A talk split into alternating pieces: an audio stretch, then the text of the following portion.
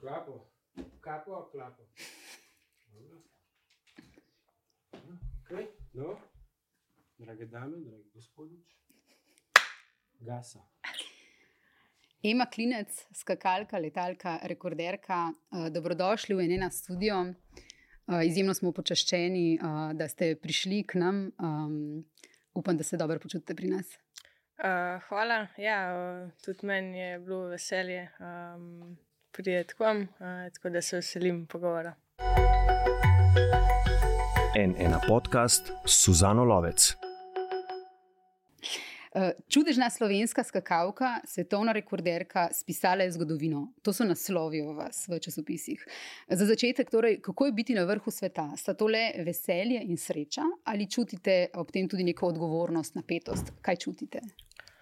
Um, se mi zdi, da ko priješ do tega, je sigurno neko veselje, ker je uh, pot um, tako bolj napeta že, že prej. Tako da ja, takrat je, um, se sprostijo neka čustva.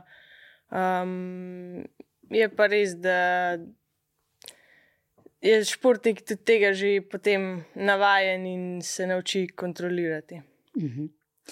Um, lepo pozdravljam tudi vse poslušalce in poslušalke, gledalce in gledalke uh, našega enega podcasta. In uh, zelo lepo pozdravljam tudi uh, Martina Pavčnika, urednika spletnega športkluba, izvrstnega športnega urednika in novinarja. Uh, nekoč sva že poč, po, posnela skupaj en, en ena podcast o športu, uh, ki so ga gledalci in poslušalci uh, zelo dobro sprejeli, zelo se mi je usedel v srce. Vesela sem, da boš z mano danes sovoditelj tega podcasta. Uh, tako da, uh, Martin, kar streljaj, začni ti. Ja, če bi streljali, bi mogoče najprej streljali tam, kjer je najbližje, se pravi v Planici. Um, ravno te dni tam poteka zaključek sezone. Uh, finale svetovnega pokala v, v poletjih. Um, bi pa še predtem, seveda, čestitev Emi za izjemno sezono, ne le za tretje mesto v skupnem seštevku, ne le za Rojer zmago, ne le za svetovni rekord, tretja slovenka uh, z rekordom, ampak tudi.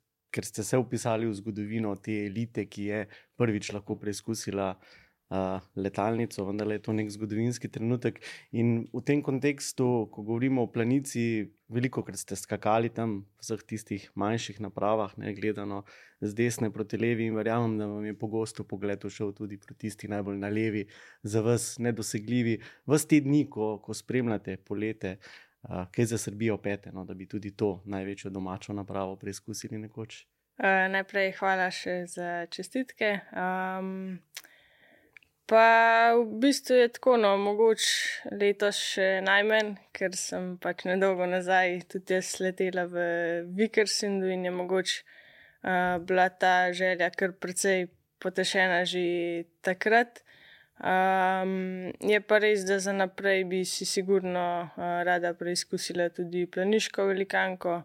Um, je bilo pa prejšnje leta, no, moram reči, da več tega. Um, da bi, da bi v planici. Tudi sama sem mogoče malo mislila, da bom prvič letela v planici in ne v Vikersonu. Evidentno je, no, da pri Mednarodni smočarski zvezi oziroma vodstvu ženskih skokov brzdajo ne, dekleta na, na letalnici. Kakšen je vaš odnos do tega? Um, moj mnenje je, da uh, odločitve, ki so bile sprejete, so bile zelo pametne. Um, tudi to, da je bilo najboljših 15 eh, iz ROER turneje, je dokaz neke kvalitete, ki jo moraš pokazati uh, v tistih trenutkih, ravno pred uh, samimi poleti. Uh, tudi za naprej um, verjamem, da bodo um, se odločali pametno. Um, bi pa rada videla, da ostane tu nek tisti dražen, nekaj tistega posebnega, uh, tudi za naprej. No. Tako da, ja, um, upam, da, so, da je šlo vse v pravo smer, kot je šlo tudi do zdaj. Že s tem, ko ste rekli, letela sem. Je ta draž, te, te, te posebnosti.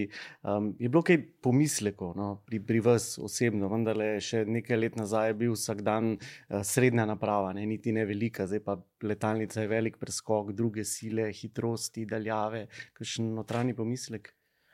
Um, Zelo mi je šlo pri to, ker sem bila res v formi. Uh, to je sigurno odzel nekaj tistega strahu. Uh, bi pa rekla, da je, ja, tako kot ste sami umenili, da smo v zadnjih letih uh, veliko skakali na večjih skakalnicah uh, in uh, je to potrovalo k temu, da uh, je bila samozavest večja. Uh, punce smo navajene prehajati iz manjše na večje, kar prej sigurno nismo bile tako pogosto. Um, Pomisliki pa ja, seveda so bili, uh, mogoče pa bolj kot, kot varnost me je skrbela sama dolžina skoka, ker sem bila takrat vodilna na roer turneji in uh, sem imela, da se lahko marsikaj zgodi. Suzana, 8 sekund je bila v zraku. Mm -hmm. no? Neverjetno. Neverjetno. In um, tukaj se kot lajk, ne, kot nekdo, ki ni nikoli ne skakal, ne letel, uh, mi postavlja vprašanje, kakšen je ta občutek leteti. Um, ko ste vi v zraku, če čisto banalno vprašam, ali je to letenje, ko letite teh 8 sekund v zraku, ali je podobno kot recimo, če sanjamo, da letimo, ali je to nek podoben občutek, kot recimo je letenje v sanjah. S čim bi ga lahko opisali, oziroma poskušali razložiti nekomu, ki um, tega nikoli ne bo izkusil? Um, ja, zdaj verjamem, da um, drugi ljudje ne sanjajo samih skokov, tako da dvomim, da je tisto letenje podobno. Uh, bi pa rekla, da se občutki zelo razlikujejo med tem, ali je dober skok ali je slab. Uh, ker ko je dober, je to enostavno perfekcija in se res prepustiš nekim uh, avtomatizmom.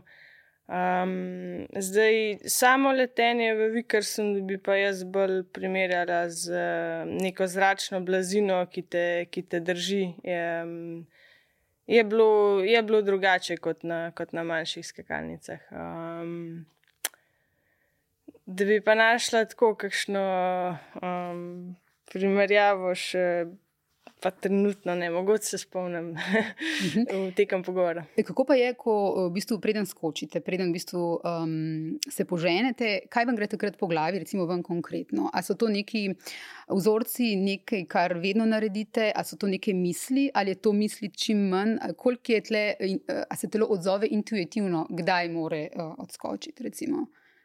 Uh, ja, um, večkrat je tako, da manj ko razmišljaš, uh, lažje narediš tisto, kar imaš v tistem trenutku v sebi, um, ker v bistvu možgani naši delujejo nekako z desetsekundno eh, razliko, uh, pač od tega, da ti pomisliš, uh, pa pol v bistvu narediš. Um, mislim, in če ti v bistvu ta proces s uh, svojimi misli uh, zaustaviš, uh, ponavadi narediš napako. Mhm. Tako da najbolje se je prepustiti, saj na tekmi, na treningu pa moraš malo razmišljati. Ja, mhm.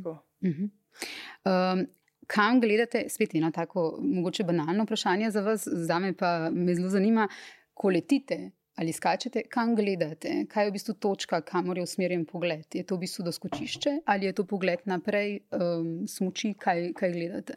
Um, to je odvisno od vsakega posameznika, so skakalci oziroma skakalke, ki že um, na začetku rampe gledajo um, na, na mizo. Um, jaz pa gledam kakšne 2-3 metre pred sabo, no. to mhm. težko ocenim.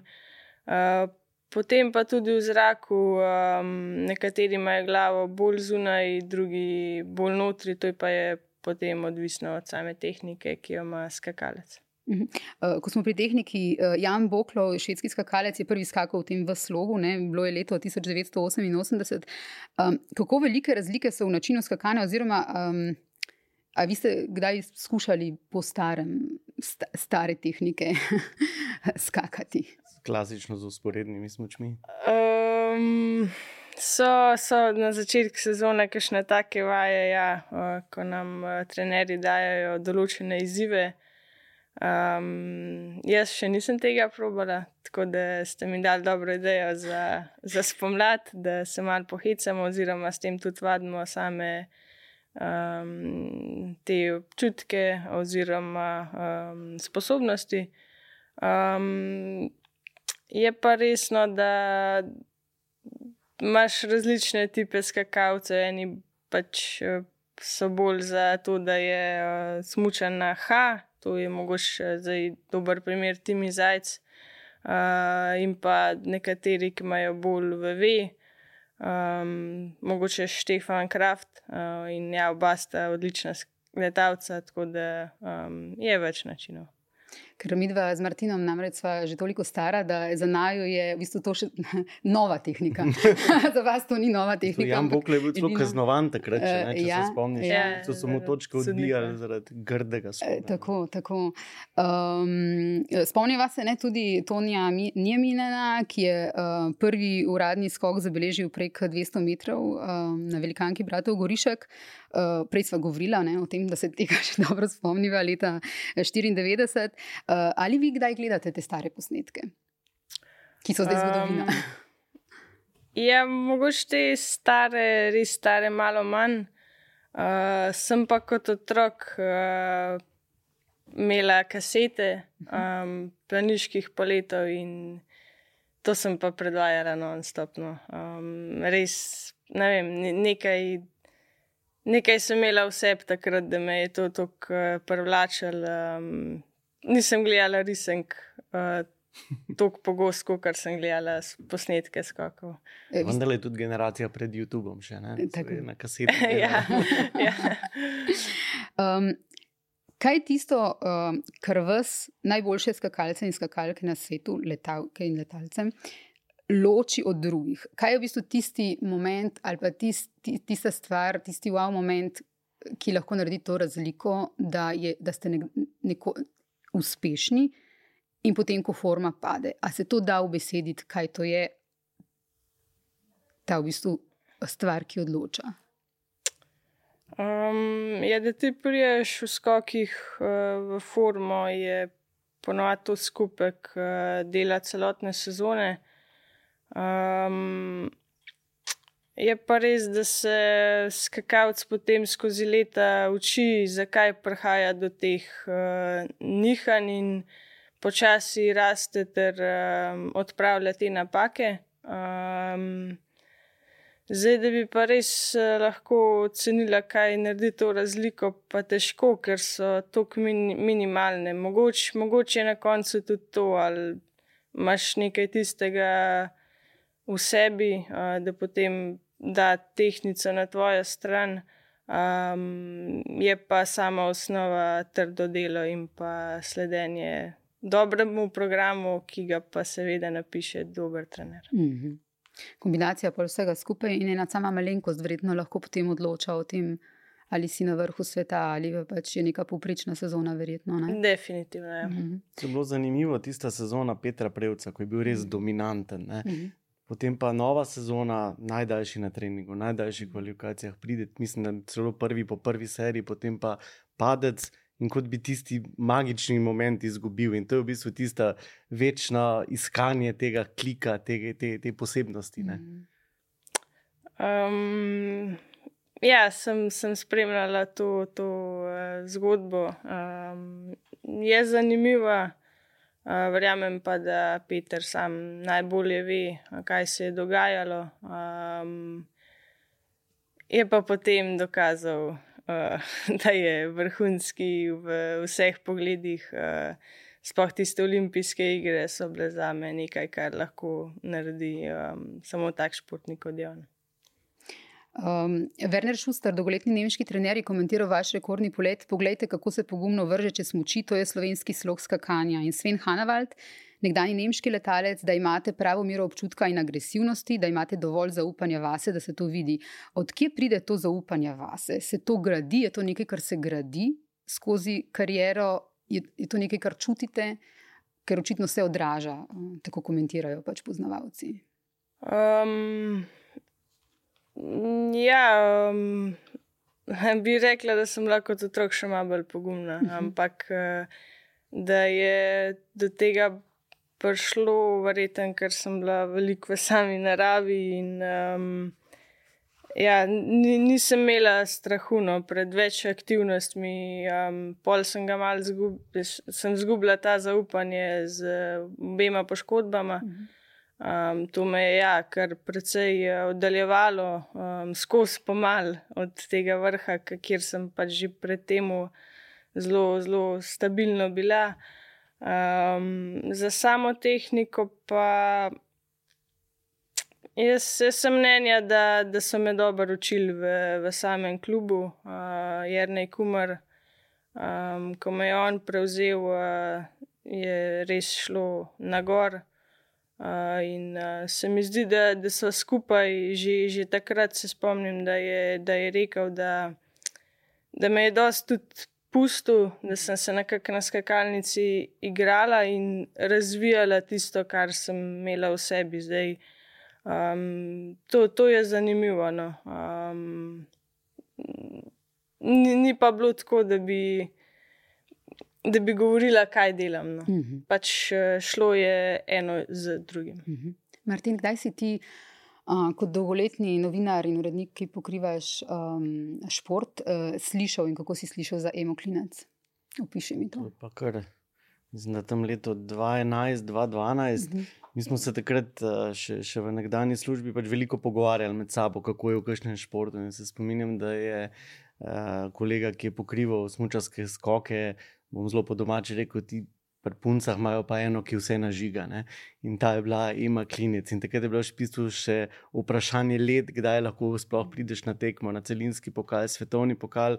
In mogoče ravno to lahko tudi neka istočnica. Ne? To, če je vrvež bil v teh nekih skakalnih novinarskih krogih, se je verjetno dotaknil tudi vas. Ne? Se pravi, ker naenkrat to ni več igra, kot ste prej lepo omenili, ker naenkrat je to neka resna zadeva, so pričakovanja, uh, je vstop v javnost, to je neko dodatno breme. Ne?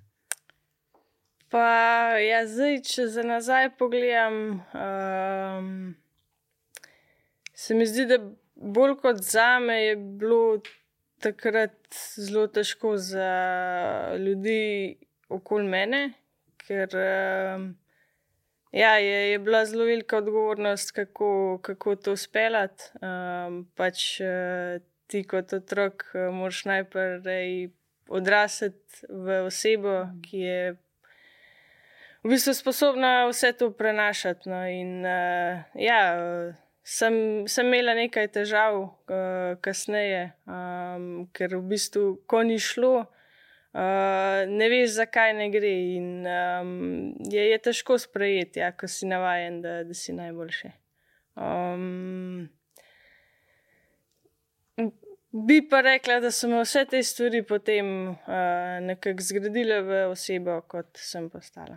Um, če se navežem na Martina, ne, pa na to, kar ste zdaj rekli, uh, vi ste nekoč že povedali, da do 15.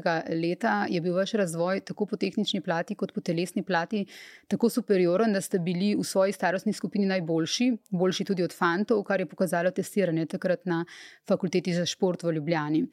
Um, in če še jaz povzamem, ne, ti pritiski so verjetno na tako mladega človeka. S, s, takim, um, s takimi predispozicijami, s takšnim meteornim razvojem v rani mladosti, res lahko veliki. Kako ste se in kako se še spopadate torej, s temi pritiski, čustvi, um, kako pomembna je tudi ta psihološka plat? Nekaj ste že o tem rekli. No? Um, ja, v vsakem športu je, je to verjetno tista razlika, no, ki pa naredi vrhunskega športnika od poprečnega.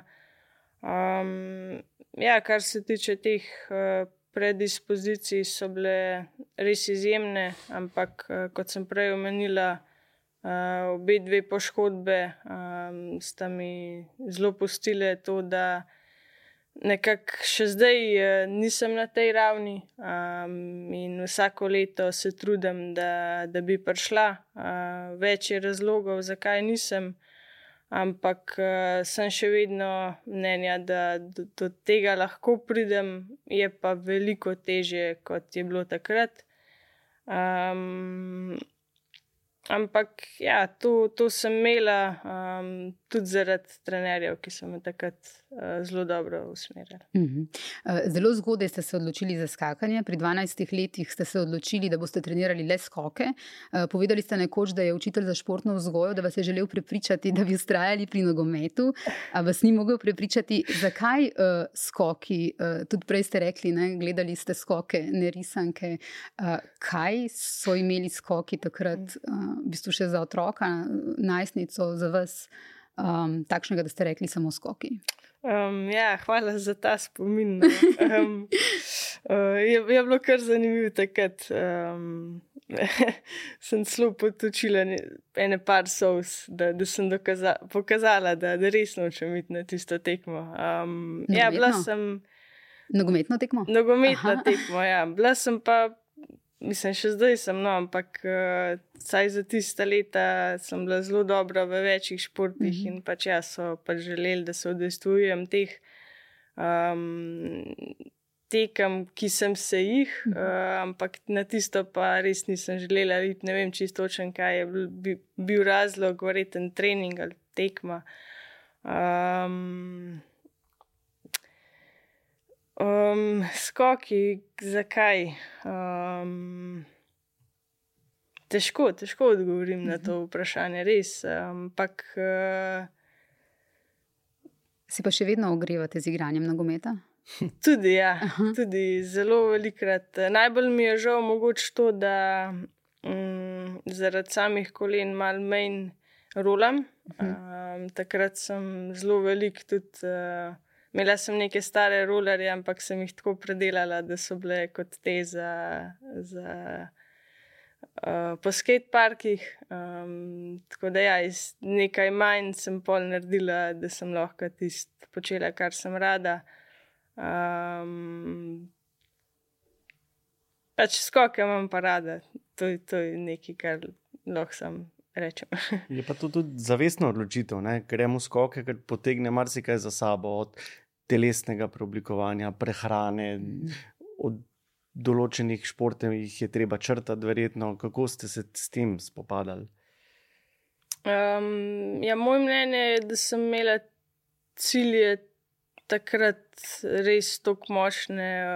Um, enega sem potem obkljukala, ki sem ga imela, enega pa upam, da bom. Um, In ja, tudi to, da sem takrat imela te cilje oblikovane, je pač potrovalo k temu, da sem bila pripravljena ja, res vložiti vse v šport. Um, pač Osredotočala sem se na, na treninge in pa na šolo takrat. Um, je pa mogoče to bilo malo prezgodeno. Um, če zdaj pogledam nazaj nas, kot na 12-letno punco, ja, um, bi bilo mogoče bolj, če bi to pa ne 17 prišel. Mm -hmm. Ti, ti, vprosti, sem, ti kljukice, to je v neki osebni beležki ali vam je stvar, ki bi jo delila tudi z nama.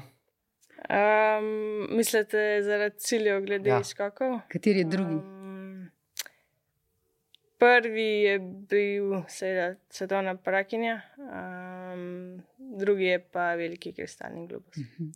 Bi kar stalo. Tudi jaz. Um, na, na kak način se pa um, sproščate? Um, skratka, govorili smo že o teh pritiskih. Kaj je za vas um, tisto sproščanje, ki vam najbolj pomaga? Verjetno je tukaj pomembna neka kombinacija koncentracije in sproščenosti. Um, kaj uporabljate? Um, Nekoč ste omenili, da tudi glasbo, um, dihalne tehnike, gotovo, kaj vam še pomaga? Um, pa v bistvu letošnjo sezono zanimivo, ampak jaz sem se čist vsak skok, ki je bil za res tresla. Pač uh, tudi kvalifikacije. Uh, Zdaj, kar sem se pogovarjal s strokovnjaki, je to verjetno tisto, ko se za test res naučiš, mm -hmm. potem si pa mal živčen za tisto eno vprašanje, ki ti mogoče bi ušlo. Mm -hmm. Zdaj, verjetno sem vedela, da sem zelo dobro pripravljena in sem samo čakala, kdaj se bo to pokazali. In ja, verjamem, da me je to na začetku sezone mečken oviralo, ker se v bistvu tisto, kar sem imela že takrat na tekmah, ni pokazalo in se je potem to bolj. Um, je pa tudi res, da sem letos ulik manj. Um, obremenjala svojo glavo glede same tehnike, bolj sem se prepuščala tisto, kar sem imela vseb. Um, veliko manj sem razmišljala, to mi je pa pomagalo, da sem delala tudi za šolo. Um, kakšno serijo dobro na Netflixu sem pogledala. Um, tik pred tekmo pa. Včasih žoga, um, ampak tudi potem malo ne, ker sem že tako šparala z energijo, mm -hmm. ker je bilo že tako naporen.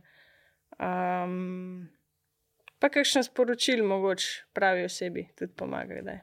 Mm -hmm. Ta prelomnica je bil ravno saporo, vsaj rezultatsko gledano. Se je tudi v glavi takrat spremenila, bila živčnost tudi še potem, ko so se začeli nizati vrhunski rezultati. Ja, isto je bila, isto je bila. Um, Verjetno tudi zato, ker uh, se mi je šlo, da sem konstantno celo sezono in to je bil cilj, in tega cilja sem se zavedala, in ja, verjetno je to moja podzavest vedela. Ampak uh, zanimivo, da sem, sem tisti skok, oziroma te skoke, ko sem se, se za tega zavedala, potem tudi bolje skočila. Se pravi, bil telo bolj oživčen uh, in ja, je, je šlo bolje.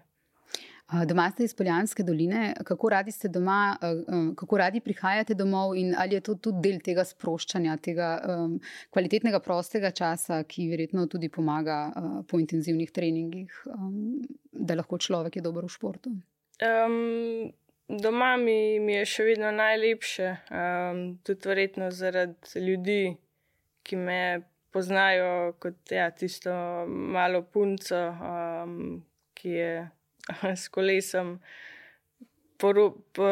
prevozila celotne polane, prerolala. Um, in um,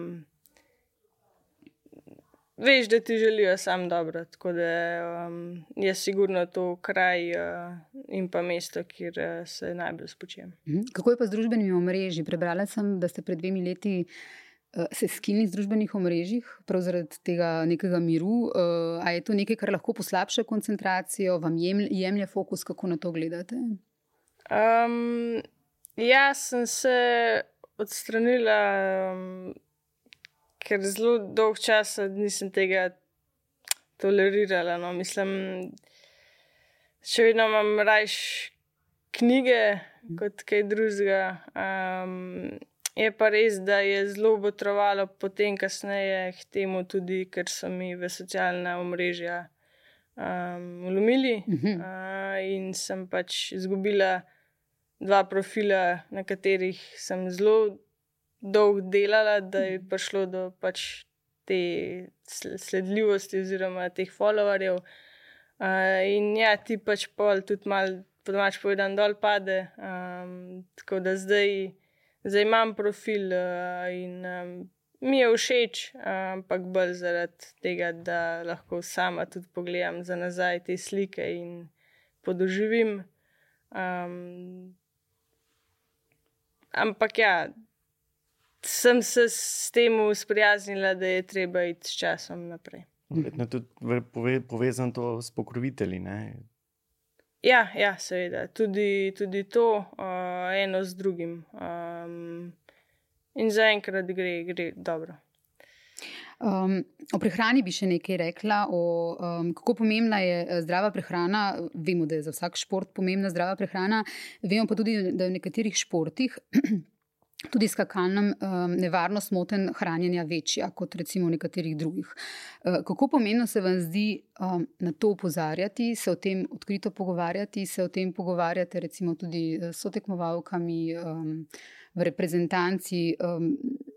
Pri smučarskih skokih namreč veliko krat prihaja do težav s prenisko telesno maso, moten prehranjenosti in celo moten hranjenja. Zdaj, da je to v športu nasplošno pereč problem, je recimo pred časom opozorila tudi plezalka Janja Garambret in da je treba te stvari sistemsko urejati, ne, kar se v bistvu tukaj nekaj že dela, ne, tudi pri skakalcih in skakavkah. Uh, Sven Hanavald je recimo tudi v preteklosti govoril o tej temi. Ne, tako da me zanima, kakšno je tukaj vaše stališče, oziroma kje vi vidite rešitve.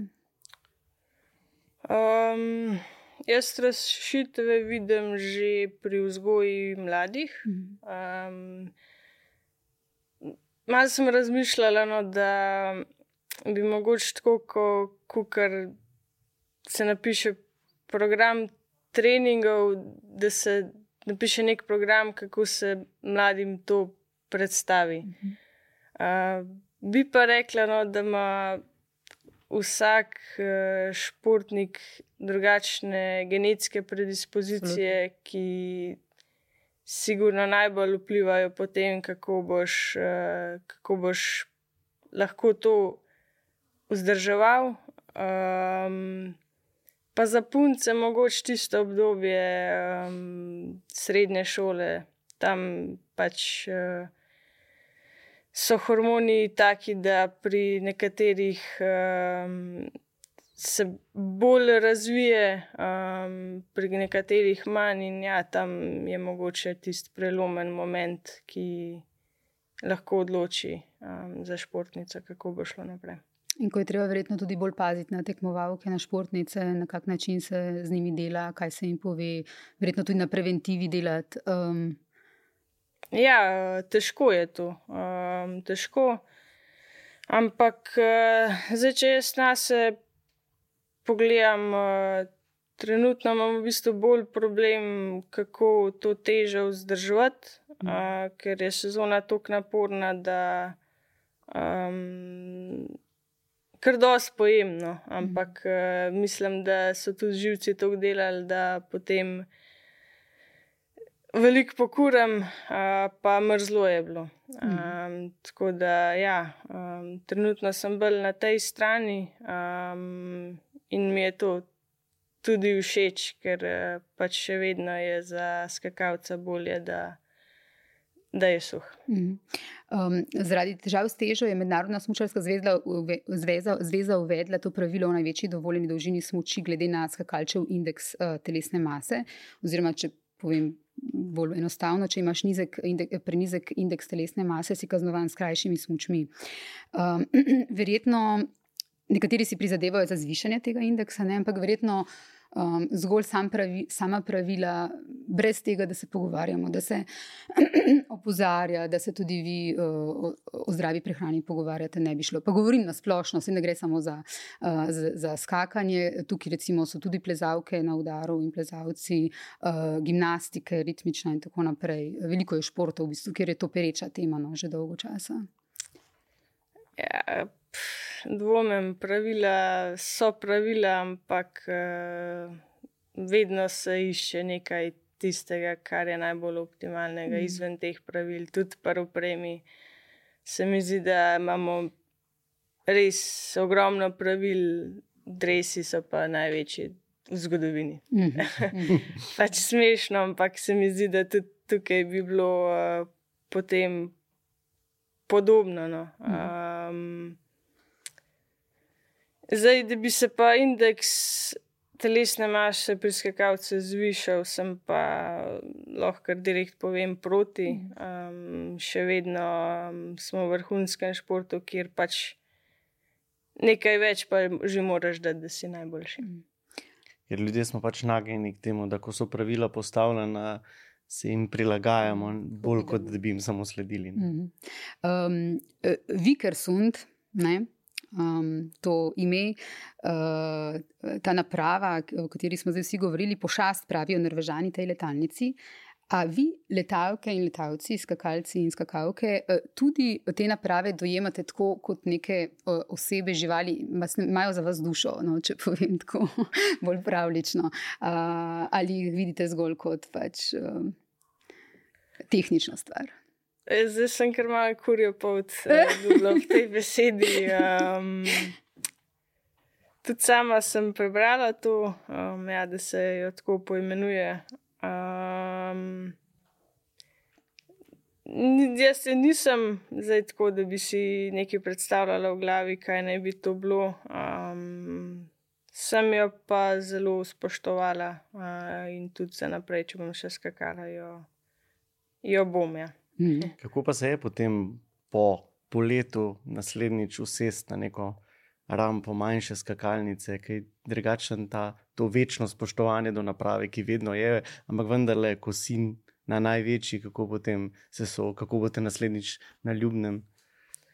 Um, mi smo šli potem v Lahti. Um, sigurno je pomagalo tudi to, ker je bilo kar nekaj dni vmes uh, in verjetno telo želih malo pozabi, uh, ki je bilo. Um, smo pa pač tudi navajeni uh, iz 120, naprimer, kot ste rekli, iti na ljubno. Tako da jaz sem si tako nekako rekla, polja. Um, je pa bil moj, moj prvi skok, uh, ko sem šla iz Velikanke, celo potem najboljši v tistem vikendu na Lahtiju in sklepam, da sem imela te občutke takrat še v sebi. Mhm. No, uh, Kar povej. Zanima me, če so vas potem tudi, ker vendarle je bila samo elita, lahko skakala. Ne? So vas tiste um, rojakinje, ki, ki niso imele te možnosti, potem veliko spraševali, kako je bilo, kakšni so občutki. Uh, ni bilo toliko priložnosti, uh, pa mislim, da,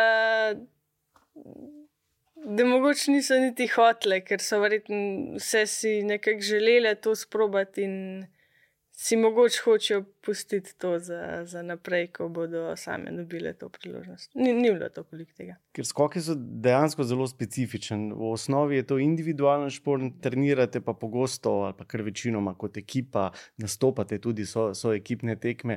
Uh, kako se vi dojemate? Ne bom konkretno vprašal, olimpijske igre, vrhunsko peto mesto, pa vendarle verjetno. Vsi vemo, da sta pa dve slovenki bili na stopničkah. Kako ste takrat vendarle veselje za, za sotekmovalki, ki gre kobe pri sebi, ker pač kolajna vendarle ni visela potem v vaši vitrini. Um, ja, takrat sem naredila en zelo dober skok, pa en dober skok z precej slabimi razmerami, ja, na koncu je bilo dovolj za peto mesto. Um, če bi bila najboljša slovenka um, kot peta, uh, ne bi bilo dobro. Tako da sem bila ponosna, da sem bila kot tretja, peta. Um, mislim, to, kar se je v Pekingu zgodilo, um, je bil spet tako uh, izraz celotnega dela tiste in prejšnjih sezon. Uh, bile smo, uh, tukaj treba omeniti še špilo rogel na devetem mestu, se pravi, vse štiri, ki smo bili takrat. Uh, smo dobili zaupanje Zorana uh, za olimpijske igre, smo na tisti dan pokazali svoj maksimum. Najboljša je bila najboljša. Z enim imenom, ki ste ga omenili, ste dali mogoče tudi istočnico za naslednje vprašanje, kako naprej, kako vi osebno se vidite v, v ekipi, s kom, kje? Um, ja, jaz uh, sem mnenja, da um, je treba v bistvu stvar tako zapeljati, da bo razvoj šel tudi pri mlajših naprej.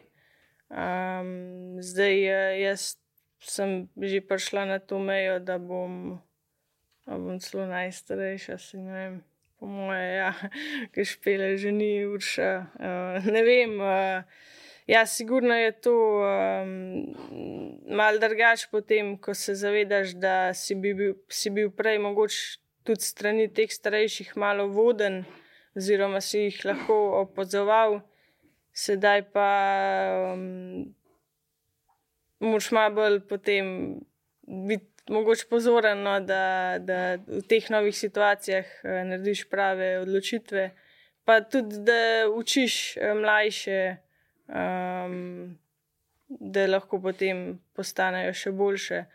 Um, in ja. Um, Bo treba kar delati no, za naprej. Zdi se, da je to ena odgovornost, ki se kar zavedate. Ne? To, ki ste zdaj omenili, predajanje mlajšim, biti nek vzor.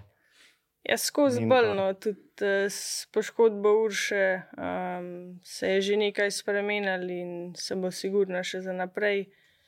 Uh, je pa meni osebno bila Špela Rogel uh, in še vedno je v, v tem največji vzor. Um, res ima nek občutek za, za predajo nekih informacij in pa. Um, kot je samo v enem intervjuju menila, nikoli in ni dal, da bi skrbela samo za sebe, ampak je, je tudi to, da je pomagala drugim, nekako verjetno izpolnili in uh, na koncu um, jo, jo, jo imajo ljudje zelo radi. Torej, en zgled tudi za vas. Eh, čuti, mislim, čuti se, da, da čutite to odgovornost do drugih, kar je eh, fullepo in kar je verjetno dela človeka velikega. Kaj je pa tisto, kar bi najbolj uh, prenesli radi, recimo, drugim mlajšim, še mlajšim, no, vse ste mladi, vse en. Uh, a, a, a so to te lekcije, o katerih ste prej že nekaj rekli, to, kar loči zmagovalca od tistega, ki ni zmagovalec, to, da, če sem prav razumela, to, da se zna pobrati, ko pade? Uh, ko, ko v bistvu forma pade, ko ne gre, kljub temu, da treniraš, da trdo delaš. Verjetno je to nekaj, kar je treba mladim razložiti. Ne? Je to frustracija, ki, ki ti jo mora nekdo razložiti, uh, dati upanje, uh, povedati, da, grejo, da greste vsi čez to, verjetno. Um, ja, ponavadi pač iz teh slabih stvari um, potegneš tok, da te potem pripelje do vrha. Um, pač taka, taka je, mislim, da tudi narava športa. Um, pa veliko se naučiš naprej za življenje in um, te nekako izoblikuje v neko osebo. Bi pa mogoče rekla mladim tudi to, no, da ja, so tisti, ki imajo rezultate, verjetno najbolj znani, ampak uh, mnogi ljudje gledajo druge stvari, ki so jim pomembne, in se športnikov um, zapomnijo tudi po tem. No. Jaz, mm. jaz bi to sporočila mladim, da, da pač um, ne bodo to, kar so. Um, Naj grejo po domač povedam svojo špuro in um, zaupajo vase. A čutite mogoče že to breme prepoznavnosti, pa slave tudi? Se to kdaj obremenjuje? Um, ne, um, pač čutim odgovornost. Uh, Bolj iz tega vidika, ker um, bi rada drugim kaj dala, mogoče uh, tudi iz svojih izkušenj. Zdaj, ja, um, se mi zdi, da po karieri bo sigurno um, čas še za kakšno drugo temo, ampak uh, trenutno, pa ker sem še aktivna skakalka. Um, je pa to malo drugače, gledam bolj naprej, um, kaj še, še izboljšati. Um, bi pa rekla, da, da se je zelo veliko naredil tudi ravno s tem Pekingom, prej omenjenim. Uh, takrat se mi zdi, da, da sta Urša pa neka prebile še, še tisti zadnji let za, za ženske skoke v Sloveniji. Se mi je utrnil en spomin, mislim, da je bilo olimpijske igre Pjongčang, ko smo v Miksoni čakali na skakavke in je potem prišla Sara Takanaši. Mhm. To se je gruča japonskih novinarjev zbrala okoli tiste njihove PR-ove, ki je imela kar nek pladen, na katere so odložili diktafone. Ne? In potem sem malo spraševal, ona je dejansko zvezda na, na japonskem, dejansko bo ja. živela od tega. Tudi ne vem, Petr Slatner je veliko o tem govoril. Kje, kje pa vi vidite, da imajo skoki ženski tudi najbolj spoštovano vlogo ali pa mesto? Um, Nemčija. Nemčija mislim, letos v Willingenu. Če imam prav podatek, je bilo na naši tekmi 23.500 ljudi. Um, ja, Katarina Althaus je, je tam res ikona.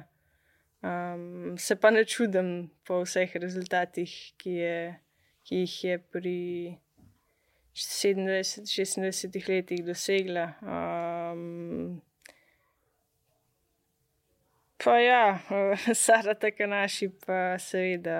Um, tudi sama sem, sem jo spremljala in um, je, je res tudi neka oseba, ki, um, ki se jo lahko od nje veliko naučimo. Um, tudi šla je skozi te krize um, prišla spet nazaj, ampak uh, bolj mi je zanimivo, v kakšno športnico je dorasla, ker ko je zmagovala, je bila navzven mali robotek, mhm. zdaj je pa res tako um, dostopna in uh, je zelo prijetna oseba.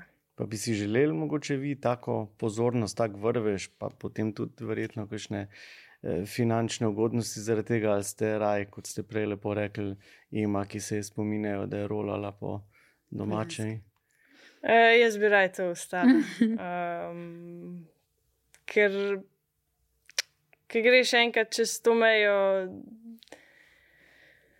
Uh, ja, se mi zdi, da je težko pol, ko spet padeš. No, um, zdaj, jaz se probujem zavestno malo bremzati tukaj. Uh, ja, um, bomo videli, no, kaj bo prihodnost prinesla um, in um, kam, kam bomo šli, vsi kot uh, moja družina na splošno. Mhm.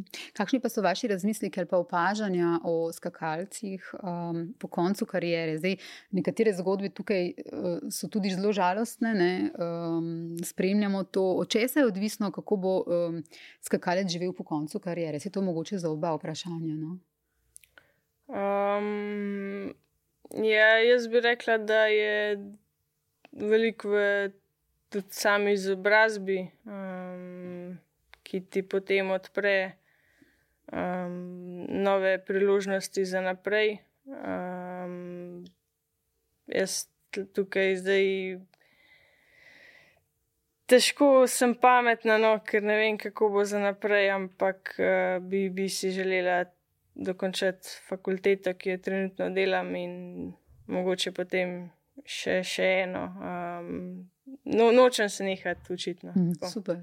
Zdaj, mislim, da je ravno nakazala, kaj je mm. tisti ključ. Ne? Se pravi, en pogled naprej. Mm. Marsikateri skakalec, pa tudi športnik na splošno, pa pač živi v nekem svojem mehurčku, je resno. Popolnoma predan samemu športu, in ko je tega konec, je izgubljen.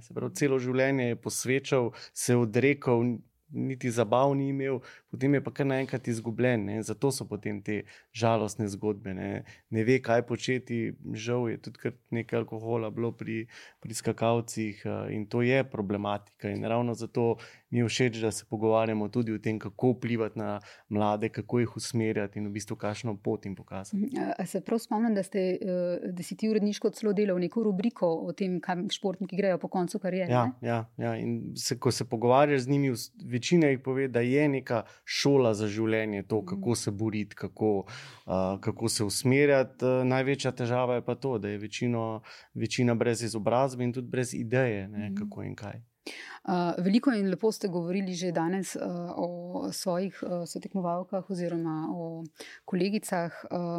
Kakšen je pomen dobrih odnosov v ekipi za dober rezultat?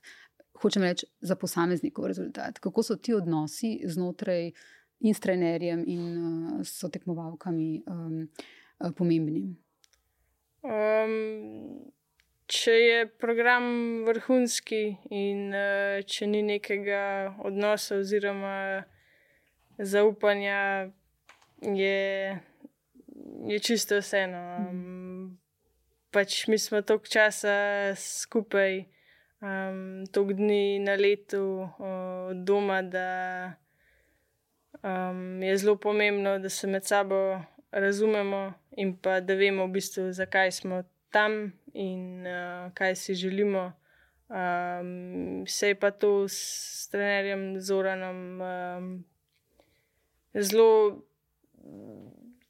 ne bom rekla, spremenila, ampak uh, smo naredili korak naprej uh, in se je to sigurno pokazalo. Um, je, je pomemben uh, del vsakdana, potem že na mm -hmm. koncu. Mm -hmm. Um, vi ste uh, takrat, kot mlada skakalka, ne, uh, mnogo krat bili boljši od uh, fantov. Ne. Mislim, da ste nekoč rekli, uh, da so se tudi starši teh fantov pritoževali, ko so videli, da, da jim ni bilo prav, no, ko so videli, da v bistvu jih uh, prehitevate ne, v tem svojem razvoju. Um, ali ste kdaj občutili uh, na svoji športni poti uh, seksizem? Vemo, v športu ga je veliko. Uh, Prečasno smo o tem, kako so športnice se morale boriti za enakopravnost, za možnost nastopati in tekmovati, za spoštljiv odnos in pri marsičem se še borijo, se še borite pri recimo enakopravnosti pri denarju. Denimo, um, smo pisali v rubriki Poglobljeno, ampak uh, me zanima, kako ste vi to občutili, če ste občutili na no, svoji karieri. Uh, pa tako kot otrok, uh, tega sigurno ne, ne zaznavaš. Um, so ja, bile neke težave glede samih tekem, ampak po eni strani se mi zdi tudi logično. No, punca se prej razvije kot mhm. fant. Um, zdaj, za, za zdaj. Um, se mi pa zdi, da um, gre zelo v pravo smer, um, pa da je treba imeti še zmer nekaj tistega um, spoštovanja do moških, na podlagi katerih smo imeli vrsto let uh, in še zdaj, če se ne motim, sponzorje. Uh, in uh, to je tisto, kar se mi pa zdi, da se zdaj ne poudarja več. In uh, upam, da sem se kjermu tudi zahvalila za to, če je že bil mogoče malo nastrojen, uh, da, da se pa že preveč to zdaj um, bori, oziroma um, govori o zapostavljanju. Um, bi si pa seveda želela, da gre to še naprej in um, da se še razvija v okviru teh zmožnosti, ki jih imamo. In želite si leteti na letalnicah? Tudi, ja, ja. za naprej. Máš ti še kaj, Martin? Včasih pristajamo. Včasih pristajamo, ja. tako je, že gledam, da se počišče. um, pesnica Anja Golop je v kolumni za Val 202 uh, zadnjič napisala: uh, Ime enakopravnosti je tudi svetovna rekorderka v smučarskih poletjih. Letos bo stara 25 let, na smučeh je letela 226 metrov, ženska, ona se piše Klinec. Um, tako da to je lep zaključek tega podcasta. Zelo lepo se vam zahvaljujem, da ste se z nami z nama pogovarjali um, o vašem športu, o vašem življenju, o vaših občutkih in tudi o vsem, v bistvu, tem, kar vas vaš šport uh, nauči, kar v bistvu so neke lekcije tudi za uh, vse ljudi, tudi tiste, ki ne športajo redno ali pa niso vrhunski športniki. Ja, se strinjam. Hvala. Hvala za obisk in pogovor. Tako, hvala, hvala lepa še enkrat. Hvala tudi vama, pa upam, da še kdaj. Z veseljem. Uh, Martin, hvala tudi tebi in upam, da še kdaj. Uh -huh. Seveda, hvala tudi gledalcem in gledalkam, poslušalcem in poslušalkam, bralcem in bralkam. Uh, v enem podkastu se pa vidimo spet zelo kmalo. thank you